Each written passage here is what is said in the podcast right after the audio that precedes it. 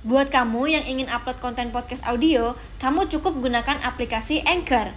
Aplikasi gratis yang bisa kamu download di App Store dan Play Store. Anchor akan mempermudah mendistribusikan podcast kamu ke Spotify. Ayo, download Anchor sekarang juga untuk membuat podcast show kamu. Bos saya itu orang Jepang. Saya kasih laporan, tapi ternyata dia salah tangkap. Akhirnya kepala saya dihantam, dipukul sama dia. Paginya itu harus lari, dilarikan ke UGD ya. Eh, ternyata gegar. Hai guys, welcome back to Buka Praktek. Hari ini kan lagi PPKM nih guys, jadi aku di rumah aja. Dan juga eh, untuk sementara waktu eh, kita ngobrol-ngobrolnya di online. Kayak waktu dulu, waktu pertama kali lagi covid-covidnya. Nah, cuman jangan khawatir karena nggak kalah seru dari biasanya. Jadi hari ini eh, aku bersama dengan Mas Bayu. Halo, halo Mas Bayu. Halo, Brite. Halo, thank you ya untuk waktunya. Nah, jadi Mas Bayu ini sekarang menjadi reporter. Bener ya? Iya. Reporter eh, di salah satu perusahaan ternama di Indonesia. Tapi untuk sampai ke tahap ini itu nggak mudah, guys. Jadi Mas Bayu dulu sempet eh bisa dibilang hidupnya itu kemungkinannya 50-50 Ya, dan Mas Bayu ini sempat eh, bisu. Wah, ini sih keren banget sih kalau kalian denger ceritanya. Jadi stay tune aja. Oke, Mas Bayu, kita langsung aja nih ya, kita ngobrol-ngobrol. Jadi siap. eh kejadiannya itu kapan, Mas? Dan waktu itu kan sorry ya, waktu itu kan katanya sempat kecelakaan karena eh, pekerjaan juga ya. Iya. Ya, jadi Hmm. boleh mungkin Mas Bayu diceritain dari awal. Jadi eh, awalnya itu kecelakaan di tempat kerja Mm-mm, eh, tahun 2013, mm-mm, 2013 di Jakarta di salah satu perusahaan ya. Eh, itu bos saya itu orang Jepang. mm-mm, Eh, je- orang Jepang ada kendala bahasa. Mm, waktu itu kami berkomunikasinya dengan bahasa Inggris. mm. Saya kasih laporan, tapi ternyata dia salah tangkap. Akhirnya kepala saya dihantam, dipukul sama dia Hah? Dengan keras gitu di belakang gitu. Eh, soalnya orangnya gede, tinggi gede gitu, orang lulusan olahraga gitu ya. Eh, terus akhirnya saya paginya itu harus lari, dilarikan ke UGD ya. Eh, ternyata gegar otak eh, karena memang kesakitan sekali, pusing gitu. Untungnya saat itu tertangkap CCTV gitu, jadi bisa diurus ke kantor, eh, diurus dengan HRD dan akhirnya eh, di, mendapatkan hukuman gitu untuk Hmm. atasan saya itu ya eh, dipulangkan ke Jepang eh, dan diturunkan jabatannya. Kemudian saya juga eh, ya ya di biasa aja lah eh, tetap bekerja juga gitu dikasih dispensasi kapan pun eh, mau istirahat gitu. Tapi saya ya ya tahu diri lah gitu tetap bekerja. Ini deh Mas, aku aku kaget banget ternyata kecelakaan kerjanya itu dari bosnya dan itu disengaja ya. Maksudnya aku Itu- pikir tuh kayak mungkin jatuh atau gimana gitu, tapi ternyata dari atasan ya. Ini miskomnya seperti apa Mas sampai akhirnya bisa bikin digeplak palanya? Eh, miskomnya itu eh miskomnya di jum kayak apa ya jumlah pemahaman sih sebenarnya Aha. waktu itu waktu itu kami kan eh, istilahnya sudah manajer lah jatuhnya gitu. Eh, laporan berapa orang yang masuk gitu Heeh. masuk di shift ini berapa Heeh. orang yang masuk di shift sore Iya. gitu shift pagi dan sore gitu Eh, kem- saya sih menangkapnya dia dia salah nangkap eh, jumlah yang harusnya itu shift ditangkap sebagai total loh kok sedikit gitu Oke. akhirnya dipukul gitu Wah. Waduh, kacau banget nih. Eh, tapi setelah itu akhirnya diperparah ketika tahun 2014 eh, dari gegar otak itu harus kecelakaan mengalami kecelakaan di tol Cipularang. Eh, itu kecelakaan mobil. Sebenarnya nggak keras cuman eh, saat itu kepala jadi kepala yang menghantam gitu menghantam samping mobil karena posisi tidur. Karena saat itu kami dari dari Bandung ke Jakarta sih posisi posisinya waktu itu kita mengunjungi eh, pernikahan ya kondangan di teman kita di Bandung terus habis itu waktu pulang dari Bandung ke Jakarta itu eh, teman saya yang nyetir tuh ketiduran gitu Mm. ketiduran akhirnya kecelakaan Waduh. yaitu di situlah se- setelah itu baru eh, masuk rumah sakit diperiksa eh, ada mengalami pengeroposan batang otak, uh, terus ada cairan juga gitu.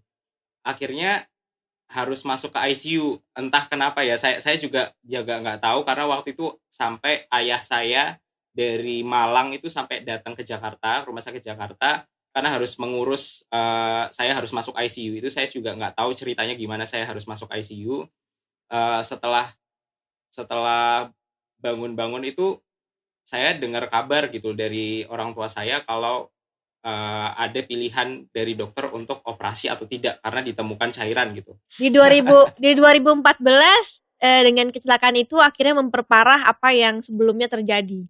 Betul. Jadi uh, hentakannya lumayan parah berarti ya waktu kecelakaan itu ya. Iya. Yeah. Oke. Okay. Uh, setelah itu di sampai tadi di ICU akhirnya ada pilihan untuk operasi. Memang oh, waktu iya. yang geger otak waktu awal itu kan dibawa ke UGD aja gitu, nggak nggak di scan atau di apa? Uh, enggak, ya cuman ada sempat di ini sih, di, sempat di scan gitu, huh? terus ya ya ada benjolan gitu lah. Uh -huh. Tapi tidak sampai yang terbaca setelah kecelakaan gitu. Oke, okay. setelah kecelakaan nih kayak uh, heboh banget ya terbacanya hmm. ya. Hmm. Sampai akhirnya harus masuk ICU dan ada pilihan operasi.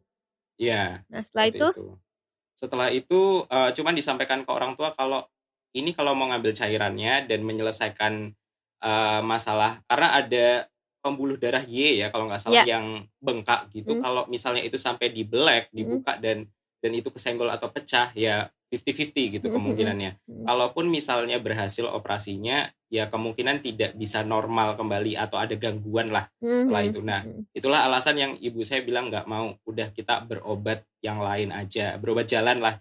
Akhirnya dikasih obat, uh, dikasih obat yang itu kudu diminum dengan kontrol ya. Mm-hmm. Uh, cuman setelah kita kontrol beberapa kali, akhirnya uh, bukan setelah kontrol setelah kita pulang dari itu, pulang dari opname ICU itu, uh, saya mengalami kejang dan hang gitu. Jadi kadang kejang, kadang hang. Yang setelah diperiksakan ternyata itu berkembang jadi epilepsi gitu.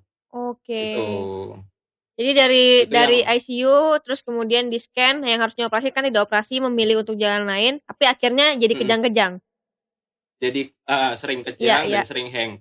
Kadang kejang, kadang uh, ya khasnya epilepsi ya, yeah, iya. kejang yeah. dan mengeluarkan busa seperti mm -hmm. itu mohon maaf ya. Mm -hmm. uh, tapi kadang juga hang. Jadi ternyata ada ada juga bentuk saya juga baru tahu mm. karena uh, karena waktu itu sih jurnalnya direkam ya lewat mm -hmm. lewat video jadi saya bisa ngelihat gimana kondisi saya waktu yeah. kejang. Hangnya itu hang benar-benar kayak patung. Mm. Saya uh, ngelihat ke satu titik nggak bisa diajak ngomong, nggak bisa diajak apa, kayak kayak nggak on gitu. Mm -hmm. Ya udah kayak kayak robot yang nggak dihidupkan gitu. Yeah. Itu itu sering terjadi mm -hmm. gitu. Akhirnya dari situ uh, di diharuskan minum obat seumur hidup. Mm -hmm. Waktu itu penitoin gitu kalau nggak salah dikasihnya penitoin. Uh, itu harus diumum minum seumur hidup. Tapi itu uh, kok itu posisi saya saya sudah resign ya. Jadi setelah kecelakaan itu saya resign dari kantor pertama. Mm -hmm. uh, dan pro proses mencari kerja itu jadi terhambat karena si penitoin ini hmm. membuat saya lemas terus gitu. Jadi okay. lemas gitu. Mau cari kerja itu nggak bisa ngantuk, bawaannya ngantuk supaya saya nggak kejang gitu. Hmm. Itu yang okay. menghambat. Seperti itu. Sampai akhirnya di suatu titik saya shock uh, harus beli pulsa ke suatu tempat. Saya mau menyampaikan, kok saya nggak bisa apa yang mau saya ngomongin ke orang jual pulsanya a a a a, a, a, a gitu. Itu tiba-tiba banget tuh, Mas. Tiba-tiba banget itu. Jadi setelah uh, ya udah kayak berbulan-bulan itu kita serangan-serangan epilepsi gitu. Uh, terus uh, obat obat obat terus lanjutkan kayak serangan obat serangan obat gitu. Habis itu tiba-tiba nggak bisa ngomong. Hmm. Saya pulang nangis kejar orang tua juga ikut shock nangis gitu. Udah saya itu posisi ma bukan marah ya kayak nangis hmm. nangis nangisnya itu udah yeah. kayak bingung gitu ini saya kok bisu begini mm-hmm. gitu nah itulah awal mula bisu itu uh, mulai dari situ itu uh, emotional journey-nya itu lumayan gitu untuk sampai bisa uh, menerima menerima bahwa ya udah gitu kalau memang saya cacat seperti ini ya udah saya akan tetap move on cari kerja dalam kondisi seperti ini gitu berapa lama dari uh, mama memutuskan untuk tidak operasi kan akhirnya keluar sampai akhirnya uh, tidak bisa bicara waktu itu? Kira-kira dua bulanan. Dua bulan. Dua, dua bulan okay. di 2014 itu. Oke. Okay. Setelah itu uh, akhirnya Mas Bayu bisa menerima. Setelah itu ya bisa menerima. Butuh berapa lama untuk bisa menerima? Uh, mungkin nggak nggak sampai seminggu ya, yeah. karena jujur jujur saat itu ibu itu luar biasa untuk uh, membangkitkan semangat lagi mm. gitu. Untuk uh, support bahwa ya udah kalau ada hal yang tidak bisa kita kontrol seperti kondisi fisik itu mau kita dapat sakit apa datangnya juga dari yang atas mau kesembuhan juga datangnya dari atas yang bisa kita kontrol adalah langkah kita gitu. Apa yang mau kita perbuat gitu ya udah itu lakukan gitu. Ya saya untungnya dapat ibu uh, yang sumber energi utama saya sih gitu. Mantap. Nah setelah itu uh, akhirnya mencoba-coba cari kerja pasti berat banget dan susah banget. Mm -hmm. Ya. Yeah. Uh, mencari kerja itu uh, awalnya online ya, hmm. awalnya online nggak dapat dapat uh, dalam kondisi juga makin uh, masih serangan-serangan dan obat itu lama-lama uang habis gitu, hmm. uang habis uh, pengobatan juga susah berjalan karena kebetulan waktu itu orang tua uh, kok ya apes orang orang tua tuh baru pensiun gitu hmm. pensiun dini dapat pesangon pengen bikin perusahaan hmm. tapi ternyata ditipu sama uh, teman usahanya Waduh. jadi dibawa lari uangnya jadi mereka pun kesusahan gitu yeah. untuk bantu saya berobat hmm. udah saya bingung saya benar-benar hopeless uh, waktu itu masih zamannya media sosial path Uh, jadi jadi saya rekam kondisi saya. Uh, jadi selama saya bisu itu memang saya off dari media sosial apa pun. Mm-hmm. Tapi karena saya udah mentok, waktu itu saya rekam kondisi saya, saya taruh di path, itu nyebar ke teman-teman sekolah saya, teman-teman kuliah. Akhirnya mereka datang ke rumah uh, menyemangati dan kasih bantuan dana. Dari bantuan dana itu sebagiannya saya uh, pakai, oh termasuk dosen-dosen dan guru saya juga datang dan bantu uh, sebagian dananya saya pakai untuk lanjut berobat, sebagian dananya saya putar buka bisnis waktu itu. Kayak gitu. Waduh, mantep juga nih. Uh, apa otaknya masih keputer ya buat jalin bisnis. Bisnis apa waktu itu, Mas? Waktu itu jualan abon sayur. Jualan abon sayur. Iya. Gimana yeah. waktu itu bisnisnya? Uh, jadi ada beberapa jenis sayur gitu hmm. ya diabonkan gitu waktu itu uh, beli mesin mesin pengering abon uh, sayur si sayur itu dipotong kecil-kecil mm-hmm. gitu terus digoreng kering dan dikeringkan dari minyak supaya uh, minyaknya habis sama sekali ya supaya jadi abon mm-hmm. itu mesin pengeringnya waktu itu beli sekitar sejuta lah sejuta terus uh, ya supply supply kita cari supply supply sayur yang murah uh, cuman karena saya masih terus serangan dan uh, masih terus obat ya itu nggak bisa yeah. maksimal juga banyak pesanan yang uh, terbengkalai gitu. Padahal pesan pesanannya tuh rame banget gitu. Eh, sampai ke Jakarta di suatu kantor tuh hmm. pesan bisa sampai dua kardus, bisa hmm. sampai uh, berapa kardus gitulah. Cuman ya energinya karena sakit saya juga nggak bisa menjalani itu, nggak bisa melanjutkan dan uangnya lebih banyak lari ke pengobatan, akhirnya bangkrut. Terpaksa tutup itu dalam waktu nggak sampai tiga bulan lah, nggak sampai tiga bulan tuh harus tutup. Berarti serangan-serangan di kepala itu masih sering ya Mas ya? Masih sering banget saat itu. Wah, terus juga uh, sangat mengganggu lah ya kalau serangan-serangan itu. Iya, sangat Dan obatnya mengganggu. dan obatnya masih setiap hari masih jalan tuh. Iya, masih jalan dan setiap kali minum obat itu pasti tidur karena lemas banget dibuat lemas supaya nggak kesakitan. Oke. Okay. Uh, sebenarnya sih sepanjang hari itu kayak kesakitan kesakitan apa ya? Uh, kayak kesemutan tapi di kepala gitu, mhm. kesemutan mm -hmm. yang banget gitu obatnya itu untuk penenang. Jadi saya cuma bisa ngerjain abon sayur tuh dari pagi ke siang. Oke. Okay. Sore ke malam itu udah efek obat itu. Oke. Okay. Gitu. Setelah akhirnya abon, abis itu coba-coba ngelamar ya? Iya. Hmm. Betul. Di Jakarta nah, ya? Di Jakarta. Uh -uh. Saat itu orang tua nentang banget kayak kamu itu masih bisu. Uh -uh.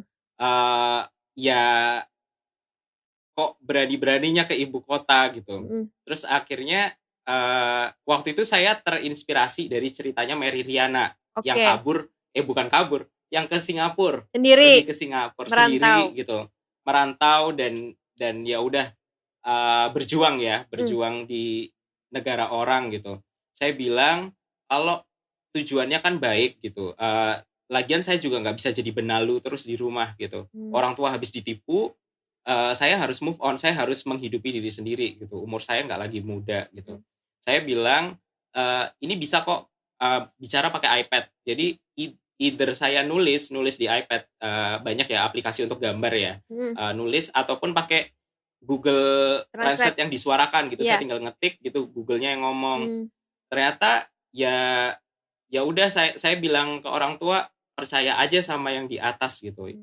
udahlah kalau tujuan kita positif gitu yang di atas uh, semoga melindungi gitu semoga memberi jalan akhirnya saya naik kereta waktu itu uh, saya mulai ag- agak deg-degan tuh sebenarnya Hmm. pertama kali berinteraksi dengan orang luar Hmm. uh, dalam kond- kondisi bisu selain selain orang Keluarga. di tempat ya selain di dokter atau di tempat Hmm. terapi gitu ya. Nah itu ternyata mereka welcome banget gitu kayak uh, ngasih makanan gitu terus uh, memberi semangat dan pokoknya menghibur gitu. Saya senang banget sepanjang perjalanan kereta kan dari Malang ke Jakarta itu bisa 14 jam gitu kan. Hmm. Lama itu rasanya hangat sekali gitu dengan sambutan orang-orang dalam kondisi saya masih bisu. Hmm. Nah, ternyata struggle-nya baru mulai ketika di Jakarta itu eh, dapat kerja eh, eh dapat kerja, nyari kerja susah banget buat Hmm. orang difabel gitu. Udah keliling ke sana kemari gitu. Mau kerja yang eh, berat pun saya tidak bisa seperti saya sempat terpikir kayak kuli gitu ya udah nggak usah peduli lah nggak usah peduli lulusan mana nggak usah terlalu idealis Eh, pokoknya cari kerja dulu dapat duit dulu Hmm. Eh, tapi saya sadar kondisi fisik saya nggak mungkin gitu karena sakit gitu kayak Hmm. kuli gitu atau eh, pekerja kasar gitu nggak apa-apa pengen ngambil cuman sadar diri daripada setengah-setengah gitu ya udah mending yang bis- masih bisa saya lakukan tanpa berbicara ya menulis atau apa tapi susah gitu di Hmm. Jakarta kayak gitu Berapa lama di Jakarta? Nyari-nyari di Jakarta, kerja. Di Jakarta itu eh, sekitar satu tahunan. Hmm. Nggak dapat juga? Sekitar satu tahun. Sempat dapat eh, itu freelance teman. Jadi ada teman SMP, teman SMP itu tahu kondisi saya, eh, terus nawarin kerjaan eh, ghostwriter. eh, Fanny sekarang dia juga reporter di salah satu TV swasta terkenal eh, ternama di Indonesia. Dia kasih saya kerjaan ghostwriter gitu. Jadi dia waktu itu ada kerjaan double, Hmm. tapi salah satunya nggak bisa terhandle gitu. Hmm. Eh, minta tolong saya untuk ngerjain itu gajinya yang untuk tulisan itu dikasih ke saya gitu. Hmm. Cuman itu juga tidak bisa eh, menutupi kebutuhan harian Ya. ya. Jadi jadi saat itu eh uangnya kebanyakan habis untuk transport. Ya. Transport saya cari kerja Jakarta itu gede banget lah gitu Mhm. uang transportnya ya kita tahu gitu. Eh, dan untuk makan akhirnya benar-benar habis ya sampai sempat itu kayak tiga hari sekali baru makan Waduh. atau kayak makan tahu bulat. Saya saya jadi keinget ingat lagi Jawa itu makan tahu bulat lima ribuan itu udah kayak seneng banget gitu. Eh, seneng rasanya dalam dua hari gitu lapar banget. Eh, makan tahu bulat udah enak banget gitu. Waktu itu sih untungnya di Jakarta sebenarnya eh, tinggal di salah satu keluarga besar gitu ya. Cuman eh, keluarga besarnya ini tidak suportif ini yang saya tidak ceritakan di mana-mana sih sebenarnya gitu Hmm. eh, keluarga besarnya kurang suportif karena eh, sudah give up sama kondisi saya, dikira saya tidak akan sembuh, jadi cenderung saya dijadiin pembantu gitu Waduh. di rumah. Heeh. Eh, tapi ya ya setiap kali misalnya saya lamar gitu, eh, ada beberapa sebenarnya ada beberapa perusahaan kayak waktu itu saya ngelamar ngelamar ke Unilever, P&G, Hmm. itu boleh orang difabel gitu ada tesnya cuman karena karena apa ya aktivitas yang harus membantu di rumah kerabat itu Hmm.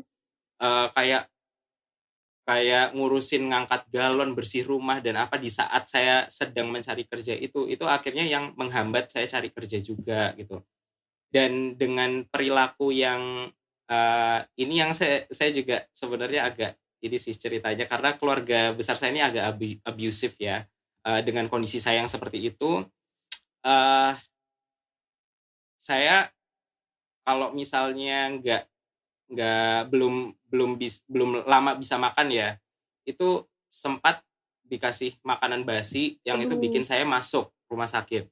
Sampai uh, ketahuan diagnosisnya itu usus berjamur gitu di situ yang yang akhirnya orang tua tahu orang tua tahu bahwa wah ini nggak benar gitu dititipin ke keluarga besar yang di Jakarta. Jakarta. Waktu itu tinggalnya di Depok sih, hmm. di Depok uh, Beji.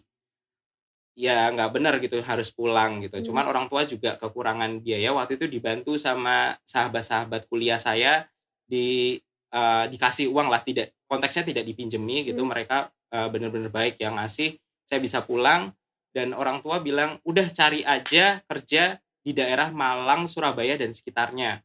Hmm. Akhirnya proses mencari itu bersamaan dengan terapi yang saya lakukan itu mulai berjalan gitu mulai mulai bekerja mulai bisa ngomong uh, akhirnya diterima itu di IDN Times di Surabaya sampai sekarang. Wih luar biasa.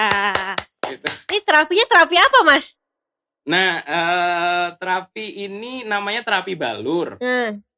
Jadi uh, pakai teknologi asam amino sama hmm. nanopartikel. Uh, objeknya yang digunakan itu tembakau. Okay. Jadi kalau misalnya googling terapi balur itu semua media mainstream itu pernah membahas itu. Uh, apa pun ya media mainstream gede di Indonesia itu semuanya pernah membahas itu. Itu terapi alternatif yang kalau kita lihat orangnya seperti merokok.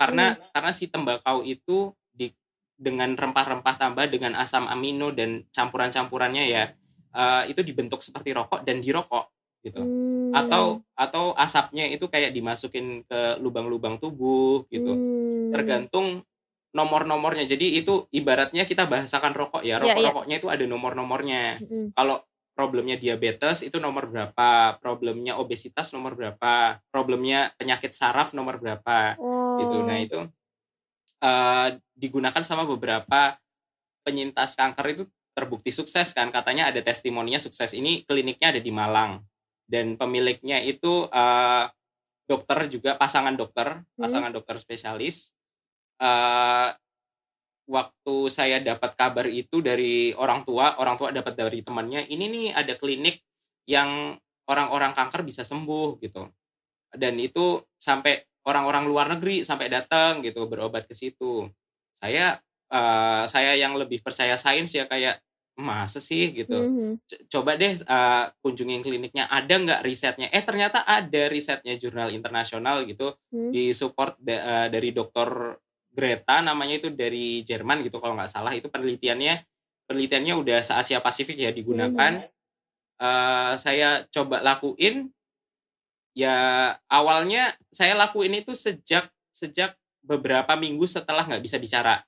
Oke. Okay. Sampai seterus seterusnya sampai akhirnya bisa bicara itu butuh dua setengah tahun kalau nggak salah dua oh. setengah tahun okay. uh, eh, sampai akhirnya bisa bicara itu. Cuman uh, ya waktunya tiap orang beda-beda gitu hmm. memang. Ada yang cepat, ada yang lama juga ya. Ada yang cepat, ada yang lama. Berarti... Dan sepanjang menuju sampai bicara itu juga saya terapi pakai dub smash kalau misalnya masih ingat aplikasi dub smash yang kita lip sync yeah. doang. Jadi ada lagu, ada suara, terus kita mulutnya itu cuman kayak mangap-mangap doang pakai aplikasi dub smash itu. Yeah. Saat saat itu mungkin aplikasi dub smash mungkin dianggap alay ya hmm. sama anak-anak pada umumnya gitu. Cuman uh, untuk saya itu alat terapi untuk untuk bisa bicara akhirnya untuk ngeluasin mensinkronisasi ucapan sama mulut ya. Ih mantep. Gitu. Mas tapi kalau boleh tahu berarti Mas pakainya nomor yang untuk saraf ya? Nomor yang untuk saraf. Oke, itu rasanya kayak rokok atau gimana? Kan tembakau juga. Rasanya tembakau sih, tembakau. Jujur uh, jujur itu sebelumnya saya nggak pernah ngerokok, jadi Uh, ngerasain itu ya oh kayak gini gitu. Cuman apakah rokok rasanya seperti ini ya nggak tahu oh, gitu. Oke. Okay. Akhirnya sampai sekarang di ID, IDN di Surabaya. Mm -hmm. uh, dan sudah yeah. masih minum obat terus tapi enggak kan? Mas uh, bukan obat terapi rokoknya itu masih. Kalau yang ini enggak kan? Kalau yang obat setiap hari itu? Itu sudah dilepas. Jadi memang dilepas pelan-pelan akhirnya sampai lepas sama sekali. Nah, luar biasa itu yang tadinya dibilang harus sampai seumur hidup tapi ternyata bisa lepas Ya. pelan-pelan. Terus juga Hmm. kepala masih sering serangan nggak? Kalau serangan enggak, cuman kalau nggak bisa bicara itu masih pagi. Jadi pagi eh, setiap saya bangun, misalnya bangun jam 3 pagi, Mm-mm. eh, itu saya harus terapi dulu gitu untuk sampai bisa bicara. Dipancing lah istilahnya. Dipancing dengan terapi. Eh, kalau nggak gitu ya ya nggak bisa gitu Sepa- sepanjang hari akan kesulitan gitu. Wah, jadi eh, setiap hari masih harus pakai tembakau itu ya? Iya. Ada alatnya sendiri atau gimana? At- kalau alat sih ada alatnya sendiri, cuman kalau alat udah nggak saya pakai itu waktu dulu masih parah-parah, jadi Hmm. bentuknya kayak suntikan gitu disuntikin ke kepala eh, si asapnya itu. Cuman kalau sekarang udah nggak dipakai, jadi tinggal ngerokok doang untuk memancing bisa ngomongnya itu. Mas, tapi kalau terapi gitu ada efek sampingnya nggak sih, Mas? Mungkin kan itu kan juga tembakau juga. Hmm, kalau kalau efek sampingnya eh, berdasarkan kata dokternya sih itu bentuk detoksifikasi dan Hmm. beda-beda tiap orang. Cuman yang waktu itu saya alami bagian tubuh pinggang ke bawah saya itu luka-luka. Jadi detox detoxnya itu kayak muncul luka-luka. Cuman itu nggak nggak berlangsung lama. Hmm. Eh, cuman agak kesusahan untuk bergerak aja sih. Awal-awal kayak membersihkan efek-efek obat ya kali Iya, ya iya. gitu. Berarti itu berarti itu juga mendetoks seluruh tubuh juga ya? Itu Iya. pengobatannya. Iya. Oke. Oke, terakhir deh. Em, mungkin Mas eh, Bayu mau sampaikan apa nih yang lagi nonton? Buat yang lagi nonton. eh pesan saya mungkin ada ada banyak ya eh apa kayak cerita-cerita sukses misalnya ini terbilang terbilang berhasil lah gitu Eh, saya berhasil melewati tantangan hidup gitu yang yang saya lalui cuman eh balik lagi it's okay to be not okay gitu eh, to not be okay gitu. It's okay to not be okay. Eh, kita kalau bisa jangan jangan fokus pada apa yang bisa orang capai gitu. Tapi kita lebih harus punya tujuan hidup sendiri. Eh, at, at least tuh tahu kita pengen jadi kayak apa, pengen jadi apa, atau pengen meninggal karena kita pasti meninggal semua ya. Kita meninggal ingin diingat sebagai orang yang seperti apa, atau jangan sampai jadi orang yang seperti apa karena kalau misalnya ini saya hanya dapat privilege saya hanya untung saya bisa bicara lagi tapi belum tentu saya bisa saya eh, belum tentu yang nggak bisa bicara bisa bicara lagi gitu Hmm. jadi eh, yang terpenting adalah punya tujuan hidup yang baik yang bermanfaat itu kejar ke sana dengan kekurangan yang ada kita terima rangkul akui tapi kita juga eh, harus melihat apa aja kelebihan yang masih kita punya untuk terus bergerak gitu. Jangan jangan sampai eh, terlena dengan kekurangan kita dan menolak menolak untuk bangkit dengan alasan toxic positivity ya yang sekarang banyak Ya. eh, gencar Mm-mm. tapi menjadikan kelebihan yang masih kita punya sekitar kita yang masih sayang sama kita itu sebagai power untuk terus bergerak gitu sih.